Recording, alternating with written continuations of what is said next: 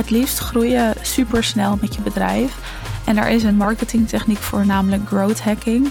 Growth hacking, dat is een specialisme, omdat het eigenlijk gaat om het zo snel mogelijk, zo efficiënt mogelijk en zo goedkoop mogelijk een bedrijf te laten groeien. En daar zijn dus technieken voor. Dat kan je op bepaalde manieren aanpakken. En het is dus wel echt een expertise die niet zomaar iedereen kan en mag uitvoeren. Althans, mag. Iedereen mag het doen. Het is niet dat het een beschermd vak is. Maar het is wel echt een expertise waar je verstand van moet hebben. En in deze aflevering wil ik je even meenemen in wat growth hacking is, wat de voordelen daarvan zijn wanneer je het wel en niet in kan en wil zetten, maar ook welke technieken er zijn. Dus eigenlijk waar draait growth hacking om? En is het voor ons ondernemers ook van toepassing en kunnen wij dat ook inzetten? Want het is natuurlijk zo dat je een bedrijf aan het bouwen bent, anders luister je deze podcast niet.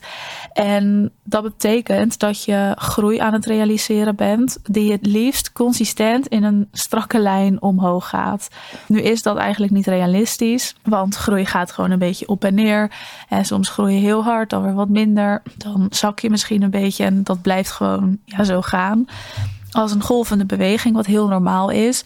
Maar wat ik altijd zeg, als je inzoomt, mag het een beetje een golvende beweging zijn. Maar als je uitzoomt, bijvoorbeeld naar een jaar uitzoomt, dan moet die lijn wel standaard omhoog gaan. Dus hoe meer je uitzoomt, hoe strakker die lijn omhoog moet gaan. Wat dat betekent dat je wel consistent aan het groeien bent, ondanks dat er in korte termijn, dus als je weer inzoomt, wel wat golvende bewegingen zijn.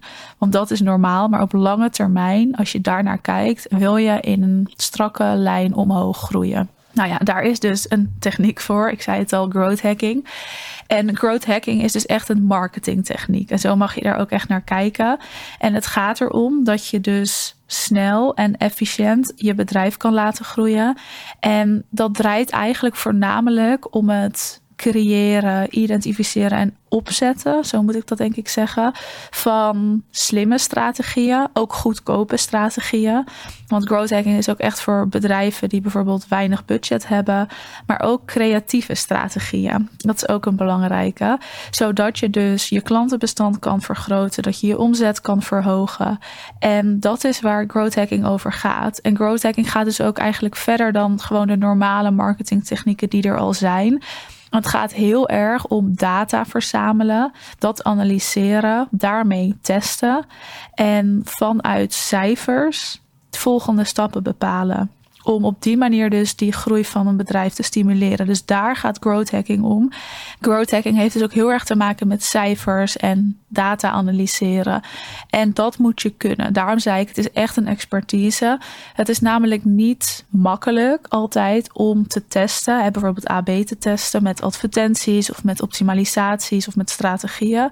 Om daar ook de goede cijfers uit te halen en om daaruit weer de juiste keuzes te maken. En daarom is growth hacking ook gewoon niet voor iedereen. En als ik heel eerlijk ben, als je growth hacking wil toepassen, dan raad ik je gewoon aan om echt naar een growth hacking specialist te gaan. Want die zijn er. Om met zo'n expert samen te werken. Om die growth hacking in te zetten. Je bedrijf zal wel aan een aantal punten moeten voldoen voordat je dat kan doen. Je hebt bijvoorbeeld wel al data nodig om te kunnen analyseren. Je gaat ook weer data opbouwen met growth hacking. Maar ja, het is gewoon heel veel analyseren. En eigenlijk misschien wel dus een hele saaie marketingtechniek. Ook heel interessant. Ik vind het persoonlijk heel interessant om naar de cijfers van een bedrijf te kijken. Om naar de data te kijken en vanuit daar strategie te bepalen. Maar dat is niet voor iedereen. Het is gewoon ja, niet altijd even leuk. Maar eerst de voordelen van growth hacking, want er zitten absoluut voordelen aan. Het is namelijk zo dat je heel veel snelheid gaat creëren in je bedrijf. Daarvoor is growth hacking ook wel echt ontworpen om gewoon snel resultaten te behalen. En voor bijvoorbeeld een start-up of een klein bedrijf is dat dus best wel ideaal als je wil groeien en als je ook snel wil groeien. En ik zei het ook al net, growth hacking gaat ook om goedkope strategieën inzetten. Dus je kan hier ook wel kosten mee besparen. Maar er is wel wat budget nodig. Je kan bijvoorbeeld ook best wel met advertenties werken, omdat je daardoor veel data gaat verzamelen. Maar wel veel growth hacking technieken die zijn laag in kosten. Dus ik zei al dat het voor start-ups en kleine bedrijven interessant is. ja, die hebben vaak gewoon niet zoveel budget om in marketing te stoppen. Dus growth hacking richt zich ook echt wel op lage kosten, zodat het best wel toegankelijk wordt. En dat vind ik ook het interessante aan growth hacking. Het is heel toegankelijk, want je hebt er niet per se een groot budget voor nodig. Je kan snel groeien omdat je snelheid gaat creëren. En toch zet bijna geen enkele ondernemer dit in. Of gaat bijna geen enkele ondernemer samenwerken met een growth hacking specialist. En ik snap ook waarom. Omdat het best wel een beetje een vage term is. En het eigenlijk onduidelijk is wat ga je dan precies doen. Maar dat komt ook omdat het dus echt per bedrijf verschilt. Maar goed. Growth hacking, een voordeel daarvan is ook dat je best wel creativiteit mag gaan toepassen in je bedrijf. En dat ja, zou je misschien niet in eerste instantie zeggen als je growth hacking hoort. Want ik zei al dat growth hacking heel erg gaat om data en cijfers en analyseren. Maar je hebt wel echt creatieve oplossingen nodig, creatieve strategieën nodig. En je gaat vaak dus ook een beetje buiten die gebaande paden die er al zijn. Buiten de traditionele marketing, om het zo even te noemen. Maar je hebt creatieve ideeën, strategieën en oplossingen nodig om snel te kunnen groeien. Dat is nodig in je strategie. En dat is dus ook wat je met een growth hacking specialist gaat bepalen en bedenken. Welke creatieve of misschien wel innovatieve ideeën en strategieën kunnen we inzetten? Welke aspecten passen bij jouw bedrijf om dus die growth hacking in te zetten? Wat ook een voordeel is, is dat je heel erg gaat focussen op resultaten. Dus een specialist hierin, en growth hacker om het zo maar even te noemen, die richt zich echt op meetbare resultaten. Dus data, harde cijfers, zodat je letterlijk kan zien en kan begrijpen, maar eigenlijk dus ook kan aflezen wat wel werkt en wat niet werkt. Waardoor het ook makkelijker is om bepaalde beslissingen te nemen, omdat je een keuze maakt op basis van cijfers, op basis van feiten. En dat gaat soms een beetje in tegen waar heel veel vrouwelijke ondernemers voor staan. Namelijk vanuit je onderbuikgevoel ondernemen, je intuïtie inzetten. En je ziet ook dat growth hacking specialisten vaak mannen zijn. En dat is heel interessant, vind ik dan. En dat heeft daar echt mee te maken. Growth hacking is echt op basis van cijfers en data. En ja, dat gaat soms een beetje in tegen wat sommige vrouwelijke ondernemers dus vertellen en pretenderen. Namelijk ook ondernemen vanuit intuïtie. Nu geloof ik dat je allebei kan doen. Dus je kan prima growth hacking inzetten en daarnaast ook je intuïtie volgen. Elke ondernemer die koppelt dat namelijk. Als jij op basis van cijfers ziet dat iets werkt, maar je hebt er echt een slecht gevoel bij, dan weet ik zeker dat elke ondernemer zegt: we doen dit niet. De cijfers kunnen misschien vertellen dat het gaat werken, maar dit voelt echt niet goed. Of je nou man of vrouw bent, dat maakt dan niet uit. Dus het is altijd een combinatie van. Maar growth hackers die richten zich gewoon op meetbare resultaten. Je ziet dus ook heel vaak dat growth hackers mannen zijn. Er zijn ook echt wel vrouwen hoor. Maar veelal mannen. En het is gewoon feitelijk kijken naar wat wel en niet werkt. En daar je keuze op baseren voornamelijk. Dat zijn dus wel echt die voordelen van growth hacking. Snelheid, kostenbesparend, creativiteit toevoegen en focus op resultaat. Waardoor je dus met growth hacking ja, sneller kan groeien. Sneller je bedrijfsgroei kan realiseren. En dat is het voornaamste voordeel en natuurlijk ook het doel van growth hacking. Growth hacking is dus ook interessant voor kleine bedrijven, voor start-ups. Aangezien je niet zoveel budget nodig hebt, kan wel, hè, maar het is niet per se nodig. En omdat je je dus focust op snelle groei, kan je als klein bedrijf in één keer die groei inzetten. Maar het is ook interessant als je bijvoorbeeld een nieuw product gaat lanceren en wil dat dat gewoon in één keer een ontzettend succes is. Dan is growth hacking interessant omdat je een soort van snelle bekendheid kan creëren. En dus ook snel mensen aan je kan binden. Het is ook interessant als je zegt: Ik ben een wat groter bedrijf, ik draai een goede omzet. Maar ik wil dit kwartaal of dit half jaar echt een uh, fikse groei in mijn omzet zien. En mijn omzet verhogen en flink verhogen. Dan is een growth hacking techniek ook interessant om toe te passen. Om bijvoorbeeld dus meer leads te kunnen verzamelen en die te kunnen converteren. Dus je kan growth hacking ja, op verschillende manieren inzetten.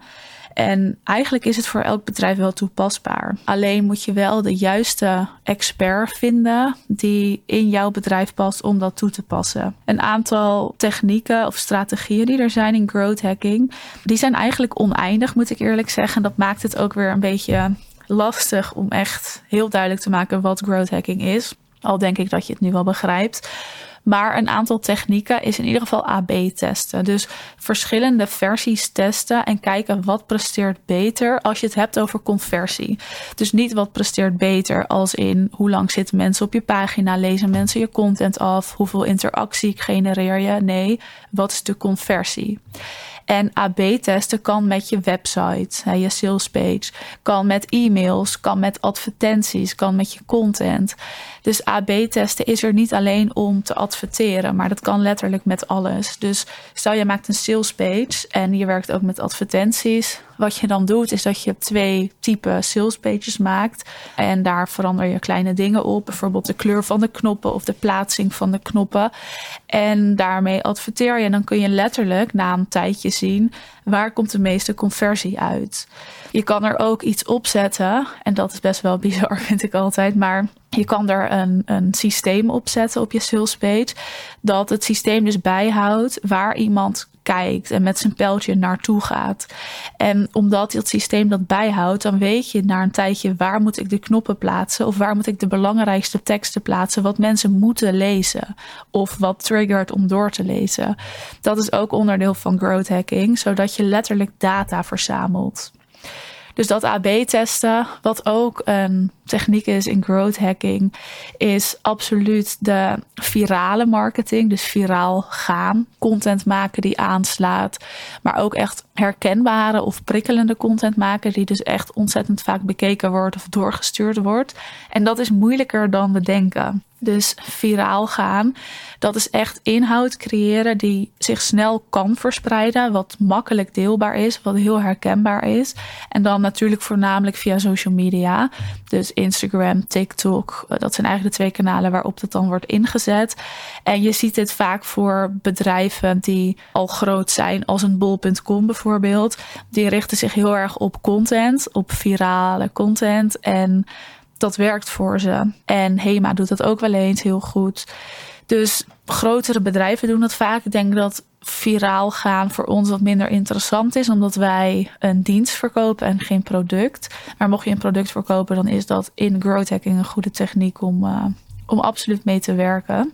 Wat ook nog voor growth hacking vaak goed werkt, is de optimalisatie van bijvoorbeeld je website in dus de zoekwoorden omdat er gewoon ontzettend veel mensen natuurlijk via Google zoeken. Maar ook optimalisatie op je LinkedIn post of op je YouTube kanaal.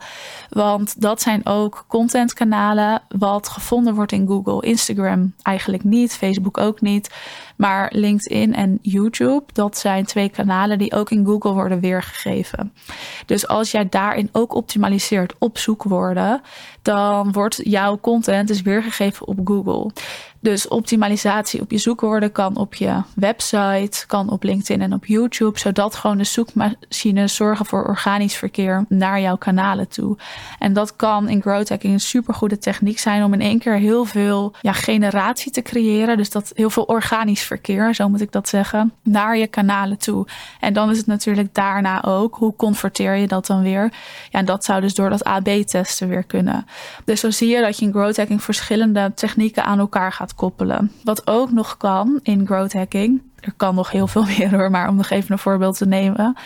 Wat ook vaak gebruikt wordt, is vroege toegang geven tot iets. Dus eigenlijk een soort beta-versie. En dat kan in dienstverlening, dat kan ook als je een product hebt.